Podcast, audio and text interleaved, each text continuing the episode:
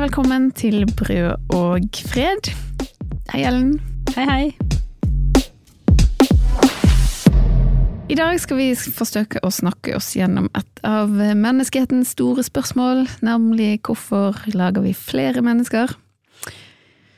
Altså barn. Mm. Men først Det er jo 7. mars i dag, eh, så i morgen er den store kvinnedagen. Det ble jo innstiftet som en hyllest til kvinnen i St. Petersburg som gikk ut i gatene 8. mars 1917. Eh, som da var februar i den russiske kalenderen og februarrevolusjonen. Men de krevde altså da brød og fred. Og her er vi!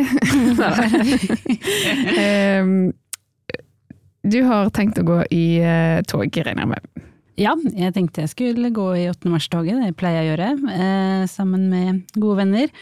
Eh, og jeg har jo sett gjennom eh, årets eh, paroler, jeg syns de ser temmelig bra ut eh, alle sammen, egentlig. Mm. Jeg registrerer at ikke alle er enig i det. Det har vært mye tjafs og, og støy rundt 8. mars de siste årene, med sånn, bråk rundt parolemøtene og uenighet om parolen og sånn. Jeg syns ikke jeg har sett så mye av det i år. Eh, mulig at det er fordi jeg ikke er på Twitter, mer enn at det ikke har vært bråk. Men eh, det, jeg har registrert at det går et annet tog fra Eidsvolls plass istedenfor fra Youngstorget, så det blir um, to tog igjen. Mm. Eh, og jeg tror det er en uenighet, eller det virker som det er en uenighet som handler mye om sexkjøpsloven, for det er en hovedparole i år eller én parole, hovedparolen er jo én, men en parole som sier at den skal styrkes, og det er det mange som er uenig. Da mm. tenker jeg ja ja, greit nok. Eh, får være to tog, da. ja. mm. Det får vi tåle. For det er vel noe sånn at eh, man, kanskje, man kan jo ha egne paroler, men man kan ikke ha paroler i toget som går mot det som er liksom de vedtatte parolene. Mm. Det stemmer, så man kan komme opp med egne ting, men, men det skal være ikke gå mot eh, det andre. Eh, og det tenker jeg også er for så vidt greit. Dette er en, en, lang demokratisk tradisjon at man har gjort det på den måten. At man liksom møtes og stemmer, og flertallet vinner. Mm.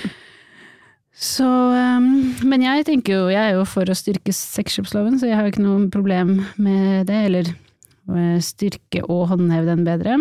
Mm. Um, men, så det eneste jeg liksom eventuelt ikke er enig i, det er eh, parolen eh, 'beskytt 15-åringer mot straffelovrådet'. For det første syns jeg det er en veldig kryptisk parole. Man skal være litt inni en debatt eller inni en NOU for å skjønne, skjønne den. Ja. Men det er vel dette med at det foreslås at den seksuelle lavalderen skal eh, senkes til 15 år istedenfor 16 år. Mm. Og denne parolen er jo da mot dette. Eh, men, eh, og det tenker vel egentlig jeg òg. Jeg tenker 16 er greit, greit, greit tidspunkt. Eh, men du vil, du vil tenke det er greit å ta ned til 15? Uh, ja, nei, jeg er ikke helt sikker. Jeg har liksom ikke landet hva jeg mener om det. Jeg syns det er vanskelig fordi jeg uh, ser liksom ikke noe problem med at to 15-åringer som er glad i hverandre, har uh, samtykkende sex, eller en 15-åring, en 17-åring for den saks skyld, eller noe sånt. da, Jevnaldrende. Problemet er jo Eh, eller poenget er jo å beskytte ungdom av begge kjønn eh, mot liksom, overgrep fra voksne, og det er jo selvfølgelig veldig for, det er vel alle, men spørsmålet er om det er det eh, om, om, den loven treffer jo ikke da liksom eh, den skjærer alle over en kam, både overgriperne og liksom kjæresten, den jevnaldrende kjæresten, på en måte. Mm. Eh, så jeg har jo tenkt på den derre klassiske eh, loven som eksisterer mer, ikke i lovverket, men, eh, men, på gata, da, som veldig mange har hørt om, nemlig at hvis man skal finne ut om noen er for unge til å ligge med, så skal man ta sin egen alder, dele den på to og plusse på sju. Mm -hmm. eh, kanskje rett og slett det heller burde bli norsk lov, istedenfor en, eh, en sånn eh, seksuell lavalder. alder. for den er jo imponerende presis ofte. Ja. Um, jeg telte her at hvis man um, hvis man er 15 da, og har lyst til å Og det hadde vært loven, så kunne man ligge med noen som er maks 14,5. eh, så altså eh, bare gå ned et halvt år, da. Det, det, er passelig. Det er passelig, liksom. Men så ikke så veldig mye lenger ned, føler jeg. eh, mens liksom igjen er man 20, så kan man eh, ligge med alle som er 17 oppover, ikke sant. Også ja. rimelig. Eh, og eh, Er man 40, så kan man ligge med alle som er 27 og oppover, også rimelig. Man skal helst ikke gå så veldig mye lenger ned. Der kan man la ungdommen få holde på selv, og så videre. Men så, Så- da betyr det at du egentlig kommer til å gå i det alternative Youngstorget med en sånn egen parole som sånn ja til innføring og delt på to pluss sju i lovverket. Ja, Ok, da Jeg blir med deg. ja, bra. Men hva skal du etter toget? Hva skal jeg hete toget? Nei, det er jo et godt spørsmål. Eh, Det pleide jo å være det store spørsmålet eh, da jeg var yngre. Hvor skal vi gå på den beste 8. mars-festen? Og før har vi alltid gått på liksom den, den store 8. mars-festen som har liksom band og øl og, og stappfullt og god stemning. Det er i år på Ingensteds, arrangert av kollektivet, bookingkollektivet Fem Brutal. Ser veldig gøy ut. Eh, Men jeg tror ikke egentlig at jeg orker det i år. Fordi vi to driver jo med, eh, apropos dette er vår 8. mars spesial, noe annet eh, veldig kvinnelig eh, for tiden, nemlig å eh, bære på barn, og skal føde barn etter hvert. Eh, så det tror jeg er en grunn til at i hvert fall jeg kanskje tusler hjem etter toget og tar meg en lur istedenfor å gå på fest. Eh, vet ikke hva du tenker? Det tror jeg òg kommer til å gjøre. Men uh, uansett, gratulerer da, det er jo det man sier. Det er jo veldig hyggelig. Ja, Uh, i like måte. Takk, takk. Det er jo eh, em, litt spesielt å være eh, gravid igjen, siden em, vi mistet jo vår første datter i fjor. I fjor mars. Eh, da døde hun i magen før termin. Så det å bli gravid igjen er jo, var vi jo veldig glad for, men det er jo òg mye blandede følelser. Ja, det kan jeg tenke meg. Eh, så, og selv om eh, legene sier at jeg ikke har noen risikofaktorer for at ting skal skje igjen, og vi får god oppfølging og alt sånn, så går jeg jo rundt og er redd for at barnet plutselig skal dø i magen en gang til. Så litt eh, ekstra slitsomt for psyken eh, er det, vil jeg si. Eh, og vi går rundt, eller liksom misunner det jeg og andre som har mistet barn, kaller sånn normale gravide. Sånne som deg, for eksempel. Ja. altså alle andre som ikke har mistet et barn veldig sent i svangerskapet eller etter eh, fødsel, og som på en måte kan bare gå rundt og glede seg litt og klage litt og bekkenplager og ha normalt eh, liv og forholde seg til dette som at det kommer til å gå bra. Eh, ja. Ja, det skjønner jeg veldig godt. Jeg eh, har er jo kommet litt kortere enn deg, eh, sånn at jeg eh, føler jo foreløpig ingenting, så det føles hele greia ganske abstrakt. Altså, det er ingen liksom, bevegelse eller sparking ennå. Men jeg føler jo meg, som du sier, som en normal gravid. Som i, det er ikke, eller, ikke bare bekymrer jeg meg ikke for dette stingene, men jeg har liksom ikke sunket inn at jeg er gravid. det sånn. Det tar litt, det tar litt tid. Ja. Mm. Ehm, men likevel så er jo Så dette er noe jeg tenkte vi kunne eh, snakke om i dag, men det er jo ikke et liksom veldig lett tema eh, for, eh, for, no, for noen. For det er jo forbundet med veldig mye eh, ja, følelser, ofte vonde følelser. Mange prøver å, å få barn og får det ikke til. Eh, den biologiske klokka tikker, bla, bla, bla. Alt, eh, alle de tingene som gjør det ikke så, Mm. så lett. Um, og eh, jeg tenkte på, jeg var ute med noen venner for noen uker siden, hvor eh, vi begynte å spørre oss selv liksom, hvilke, hvilke tiår var best da, i vårt liv. Så var det 20 år eller 30 åra.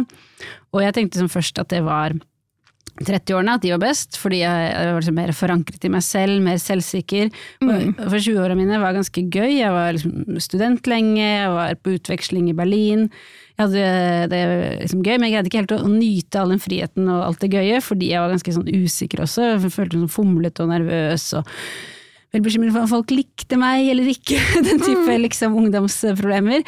Mens liksom eh, Så jeg tenkte først eh, 30-årene var best, da er jeg mer liksom på plass i livet med, med hvem jeg er, og, hvor, og har endt opp i en jobb jeg liker, og med liksom eh, gode venner, og en, eh, også en veldig hyggelig partner. Jeg har jo vært sammen med han jeg er sammen med i snart ni år, så det er vel definerende også for dette tiåret.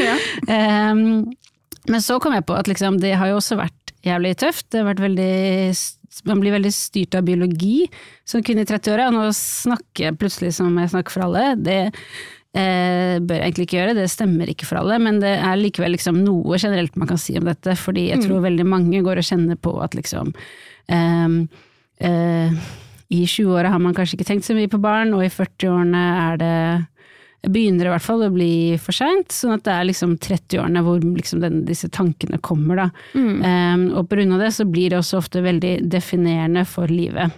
Um, Jeg tror jo òg på en måte Altså, jeg er- er enig, øh, og jeg er òg sjøl over 30 og alt sånn, men jeg tror vi må huske at gjennomsnittsalderen for førstegangsfødende er ca. 30, så jeg vil jo si at veldig mange får jo barn i 20-årene.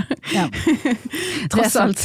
det er sant. Men, Eh, det er liksom ulike helt- kretser og alt mulig og sånne ja, ting også. og han er jo litt høyere i Oslo òg. Mm. Men jeg er helt enig at uh, for mange begynner den biologiske klokken for alvor å tikke i 30-årene. Ja, for den tikker jo skikkelig da, ikke sant. Hvis man får barn i, i, i 20-årene, så eh, det syns jeg sett i bakspeilet virker lurt, nesten. Eller eh, i hvert fall har sine fordeler. Men da er det jo også sånn, da gjør man det jo mindre angst for om det vil gå eller ikke, tror jeg. Mm. Da på en måte eh, er det de facto lettere. Um, så det jeg har lyst til å eh, på en måte nøste i i denne episoden her, er det gode gamle og veldig vanskelige spørsmålet hvorfor vil vi egentlig ha barn? Mm. og hva er det liksom eh, i oss eh, som gjør at det er liksom noe man ønsker så mye når man ikke vet hvordan det er før man har fått det. Eh, og eh, Hvorfor ønsker noen det og ikke andre osv. Det er ikke noe jeg kan ta på en episode, det er veldig mye å snakke om, men eh, det det jeg tenkte vi kunne nøste litt i, da. Selv om for meg 20-åra var liksom fomlete og full av bekymringer for hvordan man kan virke på andre, og man blir likt og passer inn, så var det liksom likevel ganske bekymringsfrie for liksom større problemer i livet. For 30-åra kan også være dette her i altfor stor grad. Jeg fikk mensen i går. Det er ingen å anklage. I to dager gledet jeg meg over at bindet var rent, selv om mensen burde komme. Hver gang jeg gikk på toalettet, gledet jeg meg over det. Da jeg våknet i natt, var jeg redd for at, at jeg skulle ha vanskelig for å sovne igjen, siden kroppen verket av sorg. Ja, så Ja, trist. ja, det jeg leste nå, det er fra en roman som heter Hvordan ser livet ut hvis man ikke har nok kjærlighet, av Maria Sennström, en svensk-russisk forfatter.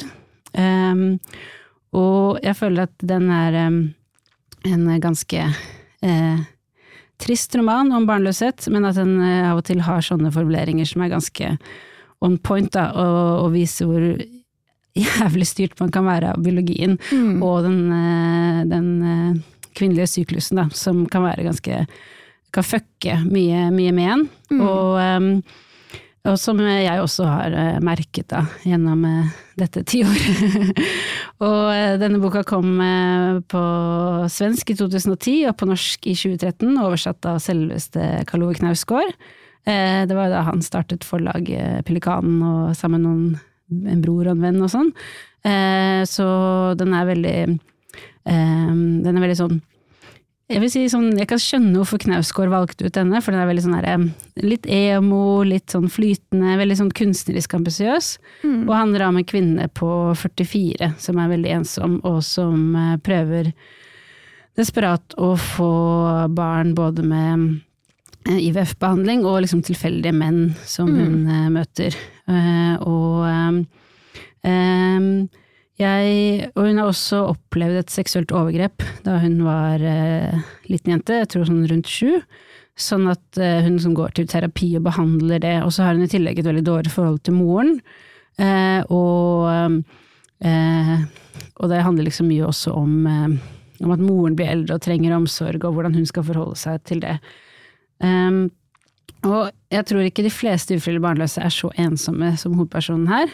Eh, men jeg tror at eh, den smerten som hun går og kjenner på, er noe mange kan eh, kjenne seg igjen i deler av livet, da. Og det kan, eh, vet jeg at jeg kan. Eh, Denne boka, da den kom ut da, i 2013 i Norge, så fikk den også kritikk i Bergens Tidende. Eh, Da skrev nemlig Gro Jørstad Nilsen, som anmelder der, at overskriften var 'meg, meg, meg', og hun som mente at eh, eh, Sennstrøm Og da hun blandet veldig forfatter og hovedperson, for dette er en selvbiografisk bok som mente at hun framsto som selvsentrert og besatt av å få barn. Og sitat, hvis boken skal leses som beskrivelse av tittelen, altså hvorfor et liv uten nok kjærlighet ser ut, må jeg si det virker trist.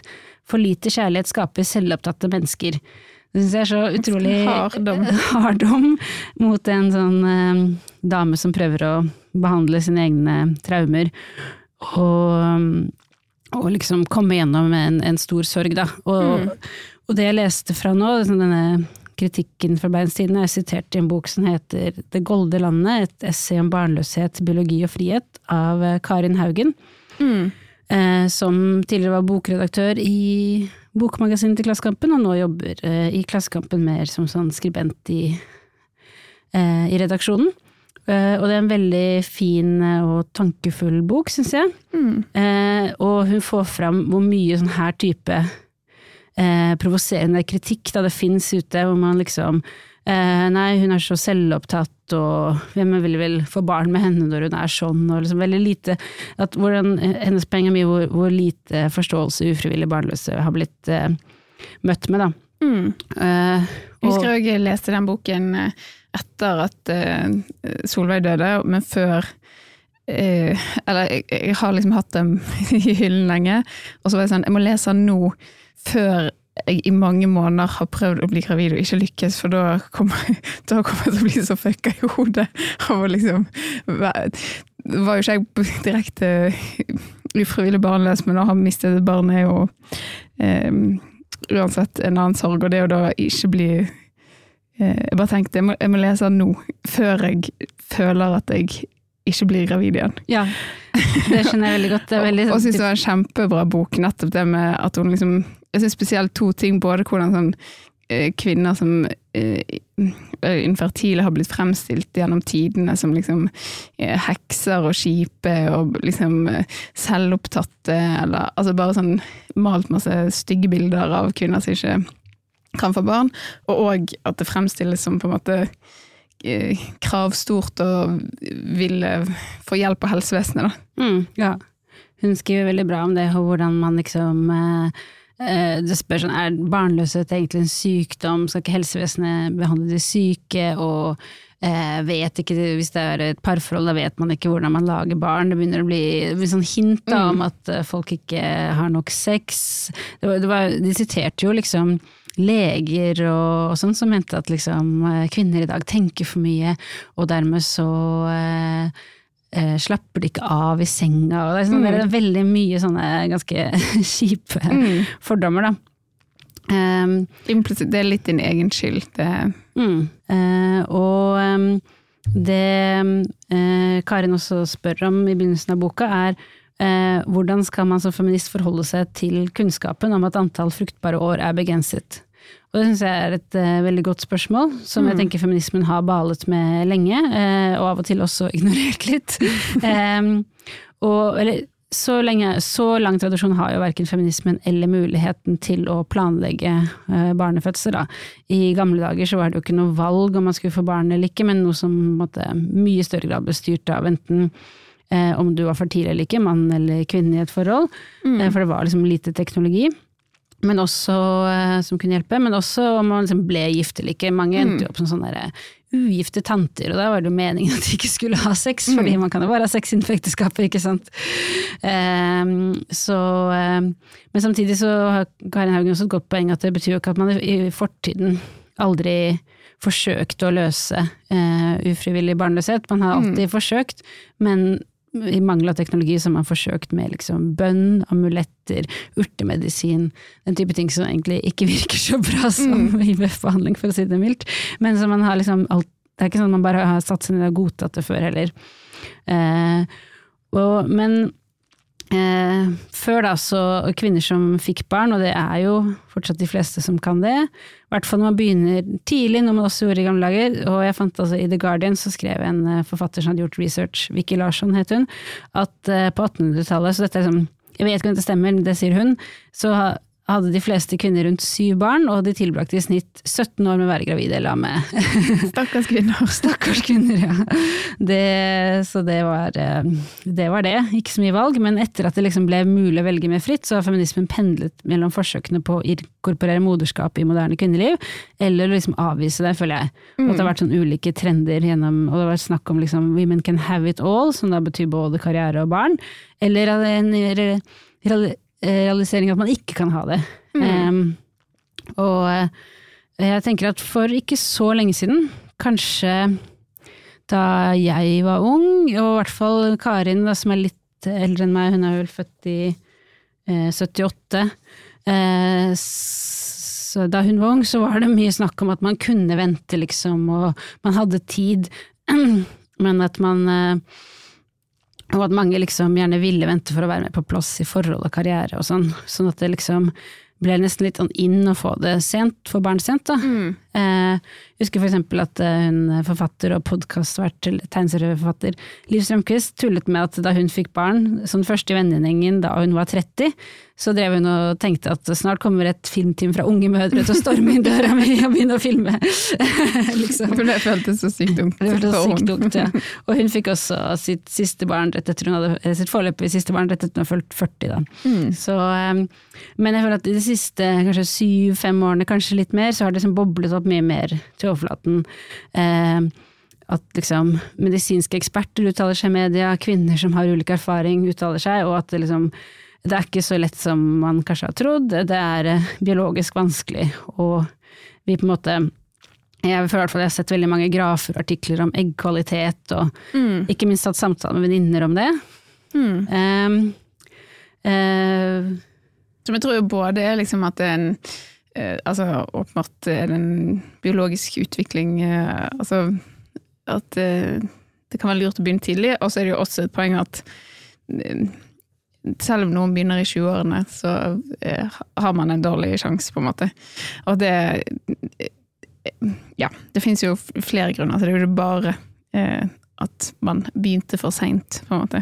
Nei, absolutt ikke. Og dessuten det at man vet i større grad at man bør liksom begynne tidlig, hva nå det betyr, men liksom eh, Eh, at eggkvaliteten går ned etter fylte 35 år, da, det sier vel mange, så hjelper jo ikke den, eh, den kunnskapen så mye hvis man er singel og eh, gjerne vil være et forhold før man får barn, eller man er et forhold og prøver og får det ikke til. Mm. Eh, og dessuten så er den her eh, fortellingen om at liksom, kvinner venter til de er på plass i karrieren.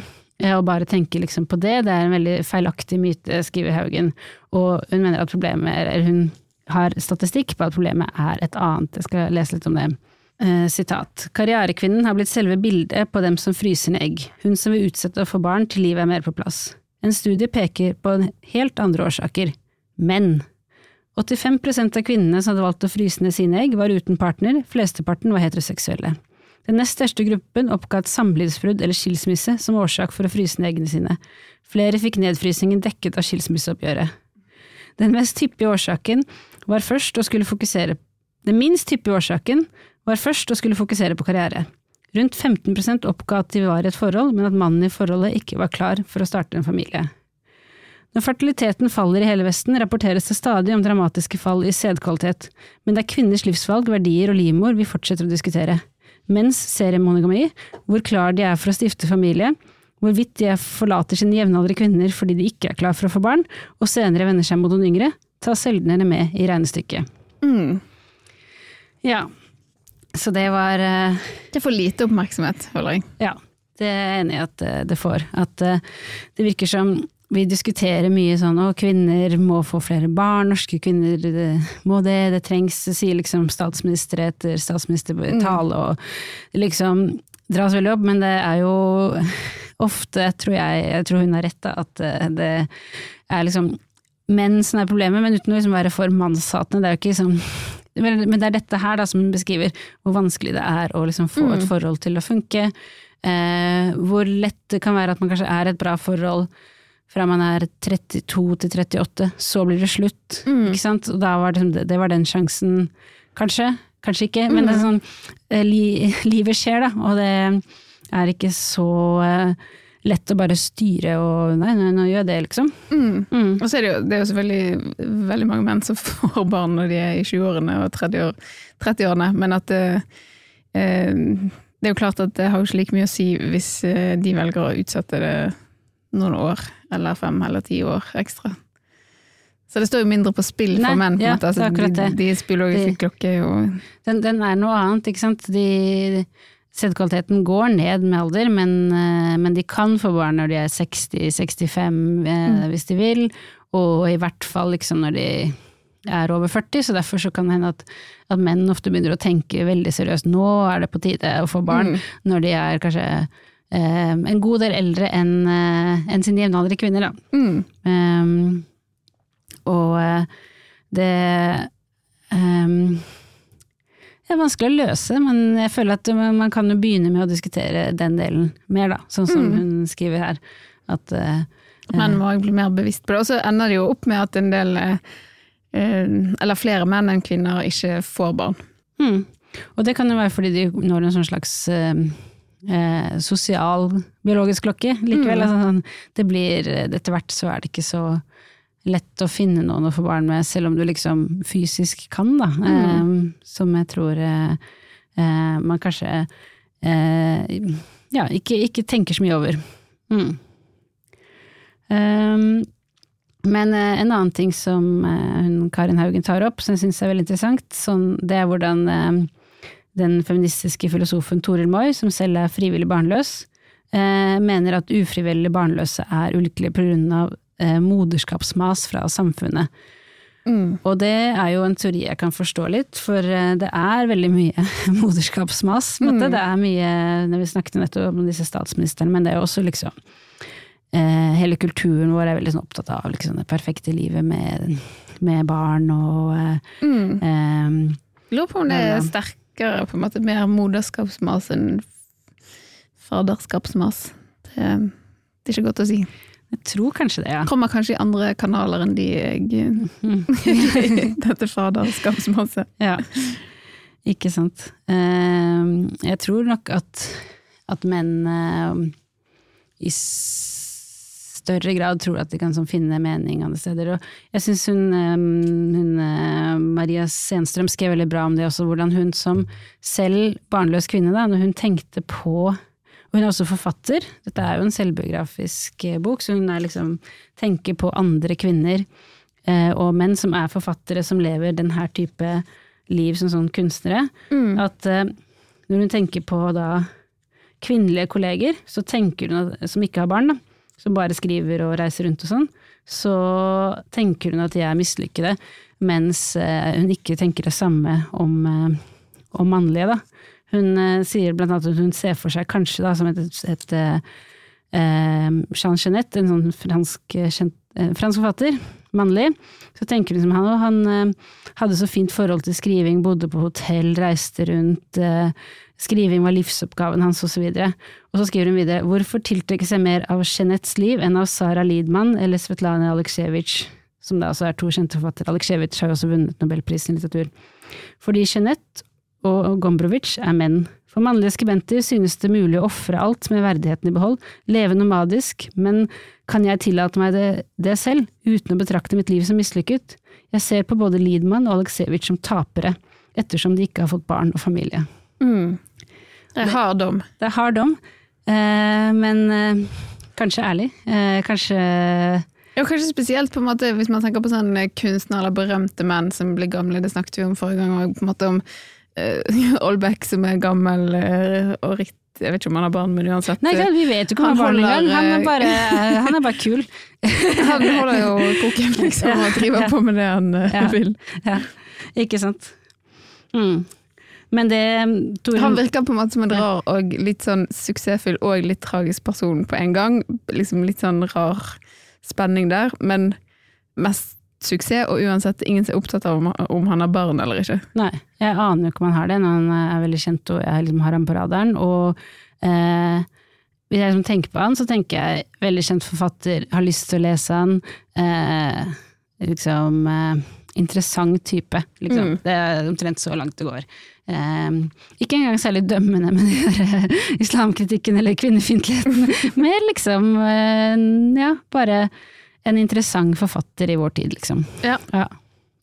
Og det tenker jeg også om Svetlana Aleksejevitsj, som nå har jo reist rundt og intervjuet eh, folk og, og skrevet en eh, helt sånn fantastisk sakprosa som da har vunnet nobelprisen. Eh, jeg har aldri tenkt på om hun har barn, Mm. jeg heller, men eh, jeg skjønner litt hva hun hovedpersonen i boka likevel tenker at det er liksom noe som mangler mer, da, kanskje.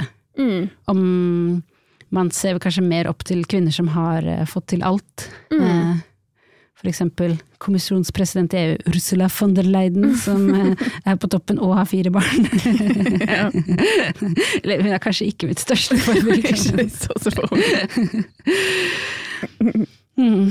Men uh, dette her er jo da en del av det moderskapsmaset, at man liksom skal få til alt. Og, men den norske feministiske filosofen Toril Moi, hun er jo uh, barnløs, og en som jeg ikke ser på som en taper.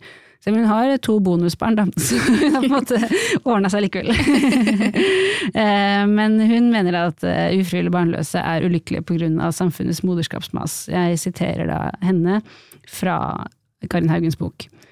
Eh, Moderskapsmaset oppfordrer kvinner uten barn til å tro at de lever meningsløse liv. Det gjør ufrivillig barnløshet til en eksistensiell katastrofe. Skriver da Moi. Mm.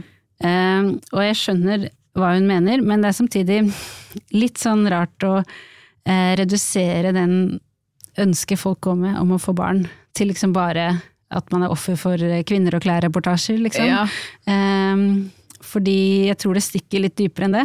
det tror jeg òg. Um, At det ikke Ja.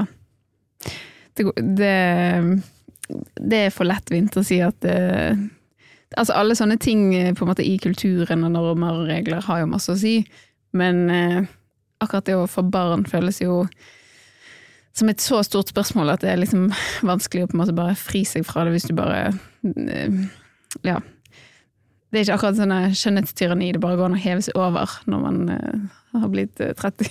på en måte. Nei, ikke sant. For å få barn, eh, det er ja, som vi prøver å snakke om her, hvorfor det er kanskje eh, Det er jo ikke det eneste man kan drive med, men det er liksom noe som eh, kan eh, gi livet mye mening, og, og man kan eh, få eh, det definerer livet veldig mye også, da, fordi man Mm. setter i gang dette prosjektet og får et barn, og så har man det livet ut. På en. Mm.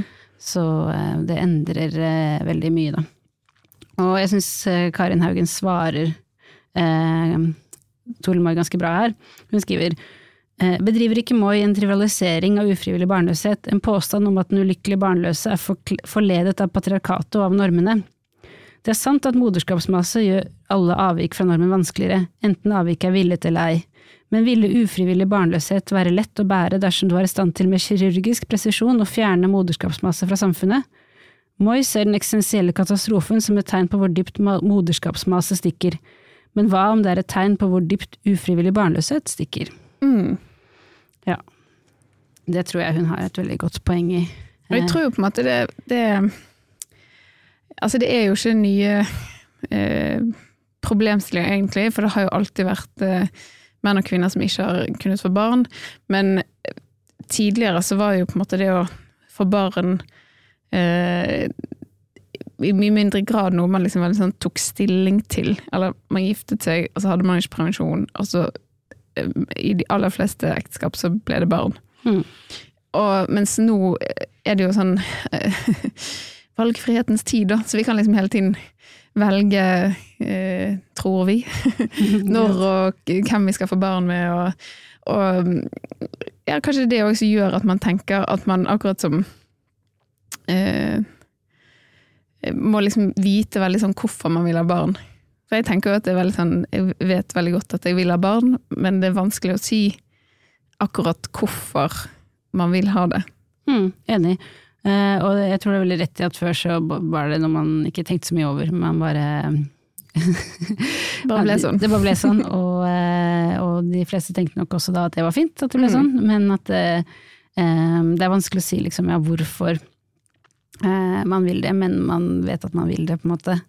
Eh, I hvert fall mange.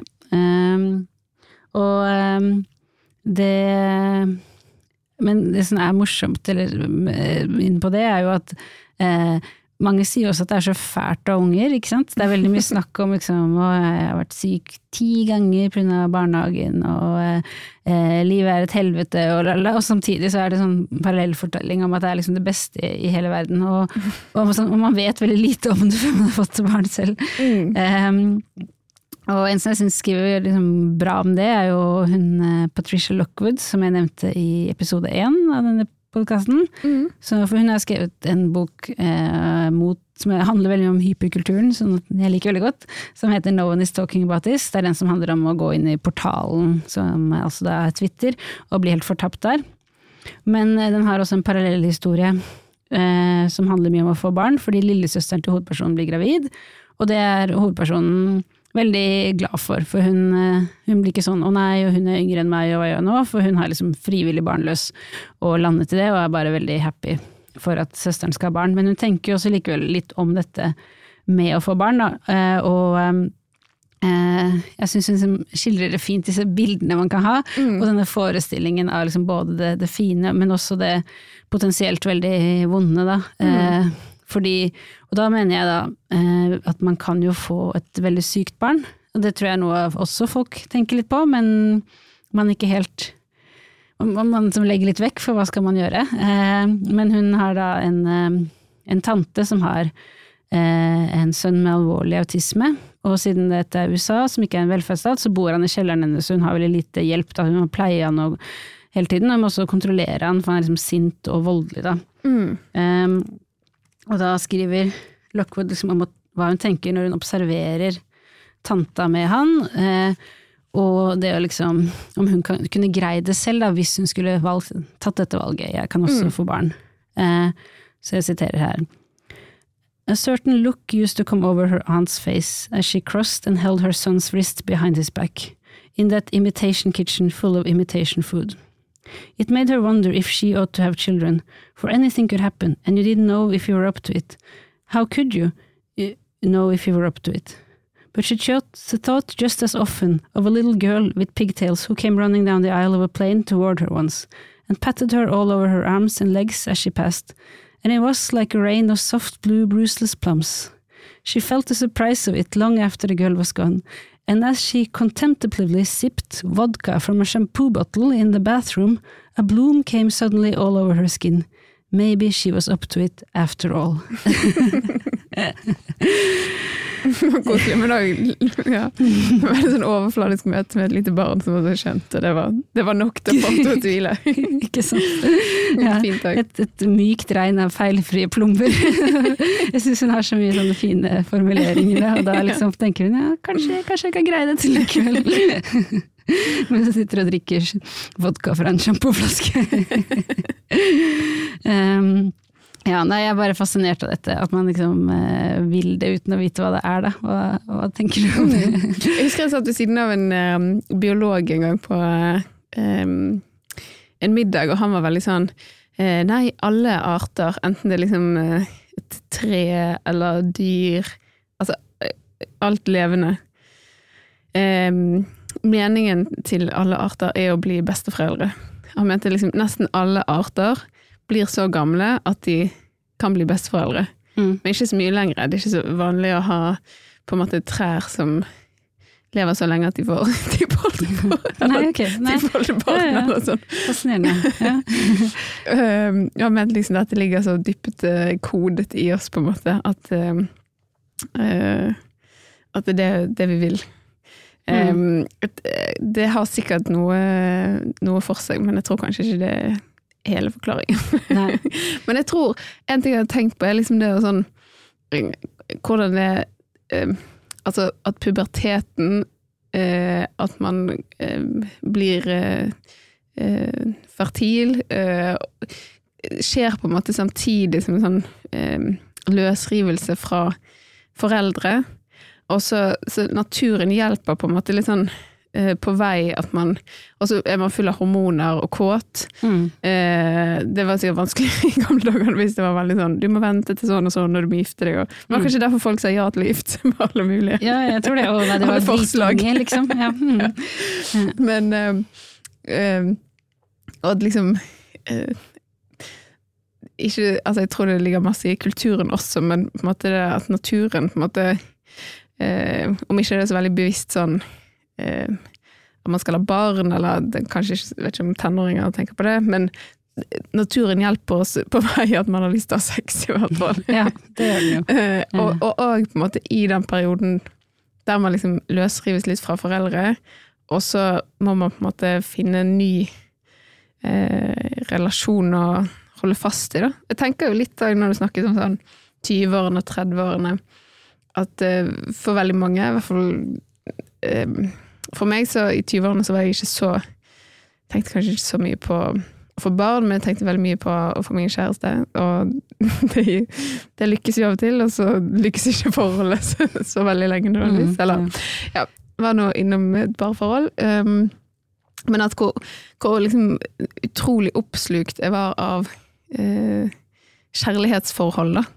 Eh, li, altså sikkert like Eller at det var liksom en eh, uh, Hvis jeg var singel, så var ikke det bare sånn Ja ja, da er jeg singel, det kan jeg godt være i fem år til, det spiller ingen rolle for meg. Eller liksom Nei. Jeg var jo veldig sånn Ville ha en kjæreste, da. Mm, ja. Og det er jo kanskje litt det samme Altså man vil, vil ha kjærlighet, rett og slett. Og, og barn er jo ofte en eh, Man får jo ofte veldig mye kjærlighet fra barna sine. Mm. I hvert fall inntil et visst punkt. Ja. Til de blir tenåringer og drar til meg. Mm, ja. Nei, det tror jeg stemmer, og jeg tror eh, Og så vil man på en måte ha det andre har man vil på en måte henge med, det husker jeg i hvert fall sånn fra da jeg var eh, eh, singel og i 20-årene. Så ble jeg liksom litt trist hvis alle andre hadde kjæreste og ikke jeg. Mm. Eh, og jeg føler at som i 30-årene så blir det kanskje liksom hvis alle andre har kjæreste og barn, eh, Mm. kanskje. At det liksom legges på. Eh, og det Ja, det, det føles liksom litt som man blir forbigått, da. Og at eh, livet står litt stille.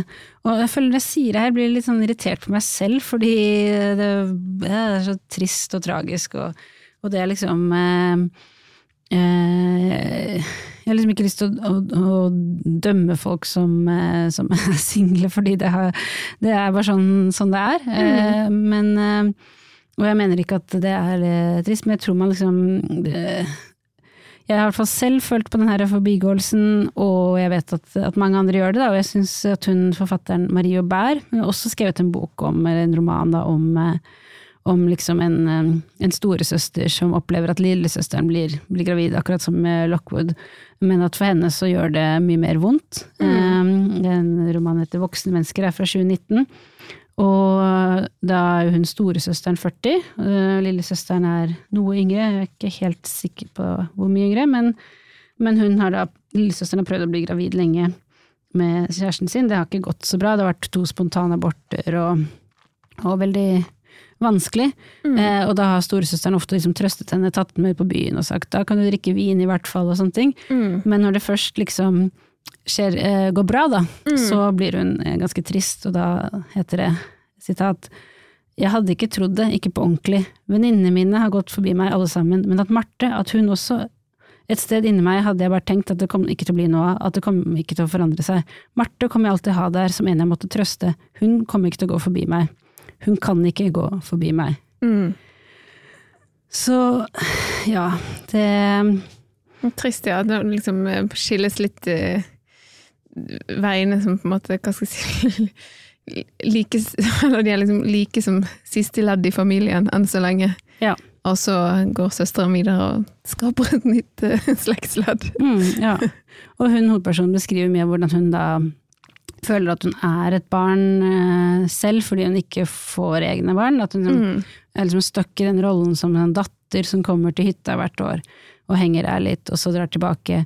Og um, at hun ikke kommer ut av det før hun eh, eh, før hun selv får barn, og nå ser det ut som hun har jo da gått, dratt til Göteborg for å sjekke om hun kan fryse ned eggene sine og kanskje få barn med en partner senere, siden hun ikke har noe nå, og da får hun også beskjed av, eh, av legen at det går ikke, da. Eh, så um, det har liksom blitt for sent, og det er liksom noe hun er nødt til å, eh, å forsone seg med. Og uh, Jeg syns det er en ganske eh, kul, eh, bra skrevet bok, fordi i begynnelsen så er hun ganske slem mot omgivelsene eh, på grunn av dette. Og så eh, ja, går det litt bedre, og hun finner også seg selv litt mer etter hvert, da, etter en sånn prosess.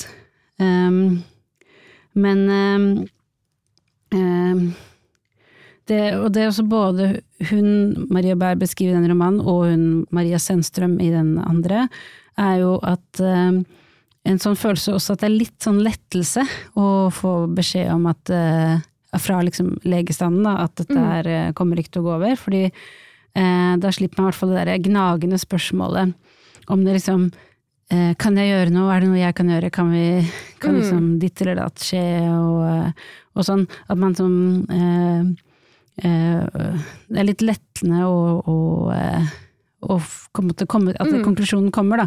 Mm. Eh, det har jeg også hørt andre si og, og sånn at og det er en annen grunn til at 30-årene kan liksom være vonde for kvinner, fordi de eh, eh, Før tenker man ikke så mye på det, kanskje, og etter, da, når man er, i hvert fall når man er 50, liksom, og hvis man ikke fikk barn noen gang, så er liksom ikke det en sånn eh, kjempegreie lenger. Da har liksom livet blitt noe annet, eh, og, det, mm.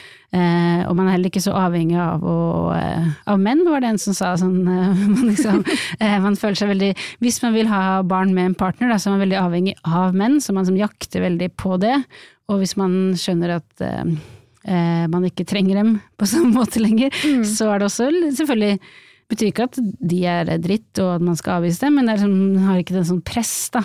Eh, i, ja. Mm. Jeg vet ikke. Eh, det er et teit spørsmål, men, eh, men den her følelsen av å bli forbigått Vi burde jo få til å unngå det, liksom. Legge mer i voksenheten enn det å få barn. Mm. Eh, ja. Det tror jeg, men det gjelder vel for mange ting, på en måte, med i livet, eller å få kjærester og få jobb og sikkert litt sånne økonomiske ting med å kjøpe leilighet og sånn, men så blir på en måte det, det å få barn er så Det er jo litt større enn å få en jobb for de aller fleste, på en måte. Eller. Ja. Så det Ja. Men jeg er helt enig. Altså Men jeg tror jo òg på en måte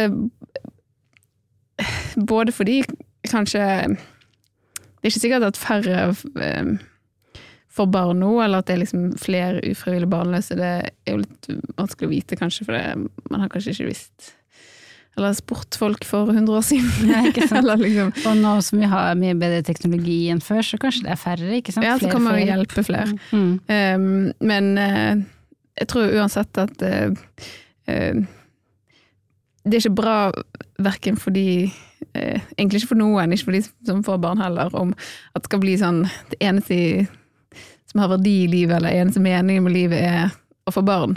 Mm. Eh, det er ikke helt sunt eh, sikkert for uh, unger å vokse opp med heller at de, at de Nå skal du liksom- være meningen med livet ditt. Selv om ja. kanskje blir det, blir det, jo en selvfølgelig superviktig del, liksom.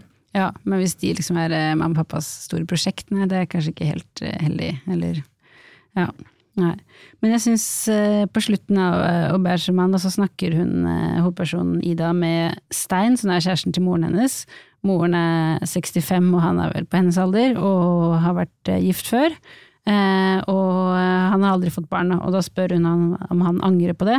Og da svarer han Stein da nei, angrer og angrer, jeg vet ikke hva det skulle være å angre på, av og til tenker jeg at det hadde vært fint, det hadde vært ordentlig fint. Men det er ikke verre enn av og til å savne en gammel bestemor som er død, for eksempel. Eh, det kan gå helt greit, det. Det også, Ida, sier han og ser på meg. Jeg synes det er et godt liv. Det er mange måter å ha et godt liv på. Ja, og jeg synes det, det var, var, fint sagt, og jeg tror det er helt, helt sant. Mm. Eh, jeg tror veldig det er sånn man føler når man er 65, liksom. Hvis, eh, hvis man aldri fikk barn, så tror jeg ikke ikke man går og kverner på det. Mm. Det tror jeg det er, han har helt rett, at det er litt som å tenke på en gammel bestemor av og til. Men, eh, men det er også jævlig lett, føler jeg, å sitte og si det eh, her nå, eh, som 37 og som gravid. Mm.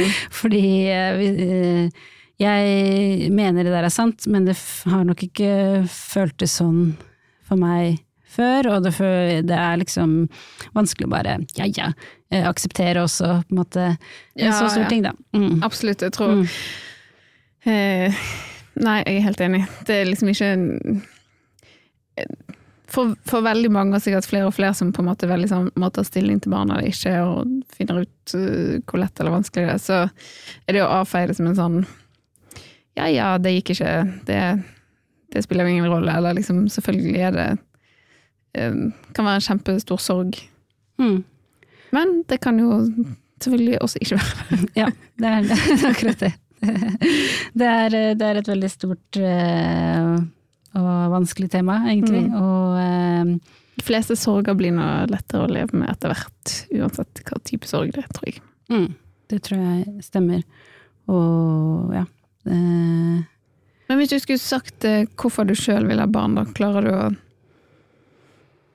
mm. si noe? Ja, nei, det, det er um, Jeg føler at jeg kjenner meg igjen i Lockwood i den derre bildene liksom av og til. Og sånn, jeg ser en søt eh, unge av og til, og så tenker jeg det der ser fint ut, liksom. um, og så um, Ja, eller Delvis det, men også delvis den følelsen av at jeg um, eh, kanskje har lyst til å tenke på noen andre enn meg selv nå, og at livet kanskje går en litt eh, Kanskje litt for mye egentid, eh, og eh, eh, Ja, for eksempel sånn som hvordan jeg og mannen min drar på ferie nå. Det er ikke akkurat til Ibiza for å se de beste DJ-ene i Europa. Det, det er jo sånne ting som uh, biltur til et eh, eplemosteri eller noe sånt, noe som eh, lett kunne hatt med barn på likevel. Det liksom, jeg føler at livet, eh, livet er klart for det, på en måte. Eh, Og at det, det hadde vært liksom hyggelig å, å, å prøve den. Og så, så, så er det jo det med at det er en så stor kjærlighet man kan oppleve, og, eh, og at det kan liksom gi mye, og man kan lære mer om seg selv, og, eh, og, og få liksom være til stede for noen andre, da. Mm. Eh, Men eh, Jeg tror det er på en måte noe med, selv om det er kanskje ikke noe jeg har tenkt så mye på sånn eh, Eller jeg har tenkt på det fordi vi skulle spille denne episoden. Um, at liksom Ja, prøvd å tenke hva, er det, hva gjør det Men at det òg handler noe om sånn At man vil på en måte høre til en plass. Og så hører man jo på en måte Når man blir født, så hører man jo til i den familien man er i, og så får man venner og liksom sånne ting, men også får man en eh, kjæreste kanskje, og så hører man til han eller hun så lenge det varer, på en måte. Men at det òg blir en um, måte liksom Litt sånn eh, Ikke akkurat slå røtter, men liksom sånn knytte seg litt fast i verden, da, på en måte. Um, i, med på en måte sånn eh, Eller begrunnet i kjærlighet, da. Eh, og at uh, um, Ja, man kommer jo mye nærmere Eller liksom Man er jo så utrolig nærmt sitt eget barn, selvfølgelig, men òg uh, den man får barnet med, eller at da skaper man liksom sånn en Ja, en, en liksom plass sånn Her hører jeg til. Dette er generasjonen før meg, dette er generasjonen etter meg. Her skal jeg være. Og så er det jo tusen ting som, i familier som Eller mange ting, mange familier som rakner litt her og der, og ting, og det går seg liksom til. Og, men uansett så, så hører man liksom litt um, til, da, på en måte. mm, ja. Um, Da tenker jeg òg for uh, par, de fleste som får barn, får jo det sammen med noen, at da kommer man jo òg nærmere. Og jeg merket òg eh, når meg og Eirik fikk eh, Solveig, og selvfølgelig Altså, hun er jo død, men det, det bare var Det var så stor forskjell fra den ene dagen til den andre at liksom tanken på at vi skal gå fra hverandre er helt, helt utenkelig. Så vet man ikke hva som skjer om mange år, men altså, selvfølgelig, vi vil jo få barn, på en måte, så åpenbart tenkte vi jo det fra før av, men måte, etter at hun kom til verden, og vi så hun, så det at vi da ikke skulle være sammen, var sånn det går faktisk ikke an nå. Eller liksom, ja. Så tror jeg òg på en måte det å stå i en sånn sorgsammenheng er jo eh, Eller tanken på på en måte skulle eh, bli forlatt og sånn er jo òg eh, absurd. Men eh, eh, det er jo noe med det òg, at man knytter seg tettere til noen. Mm. Jeg tror du har veldig rett i det. Ehm, og ehm, du sa jo også i begravelsen til Solveig at eh, du hadde følt veldig på den der enormt sterke kjærligheten med, med en gang. Mm. Husker jeg det var veldig gripende. Og ehm, Jeg tenker jo litt det er sånn så Du er gravid nå, og jeg kjenner meg igjen i det at man i begynnelsen er litt sånn Hva, hva er dette som vokser i magen? Ja. Skjønner ikke.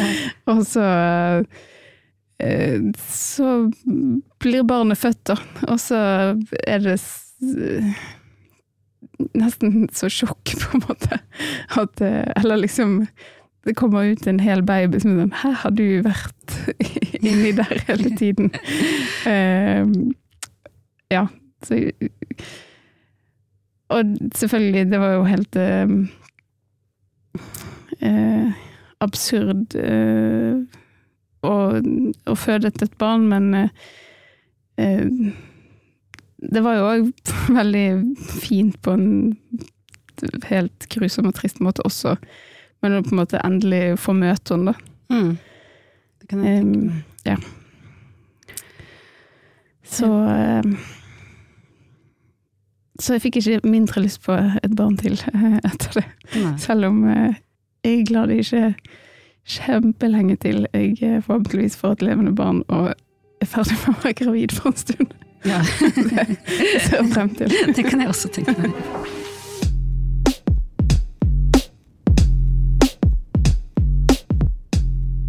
Da har vi nøstet litt i Mhm. temaet 'hvorfor vil vi få barn'. Jeg føler ikke vi har eh, landet eh, all verdens. Jeg tror ikke det er ikke to streker under svaret denne Nei. gangen heller. Men eh, det er et stort og vanskelig tema, og også ganske tungt for, for mange. Men det er også uansett viktige spørsmål for feminismen, som vi har vært inne på. Dette med ufrivillig barnløshet og hvordan man skal liksom, forholde seg til eh, moderskapet. Det er viktige spørsmål på kvinnedagen. Eh, det er jo også flere paroler om eh, blant annet eh, Eh, fødselsomsorgen som bare bygges ned osv. Det fins Mm. eh, abort er en helt annen ende av det, men også, minst, eh, også like viktig. Mm. Eh, det, så som kvinnelig reproduksjon og, kommer alltid til å være viktig for feminismen og kvinnedagen. Og, eh, Og for menneskeheten. og for menneskeheten, absolutt. Så det er bare å, å fortsette å, å snakke om dette, tenker jeg. God 8. mars, alle sammen. God 8. mars.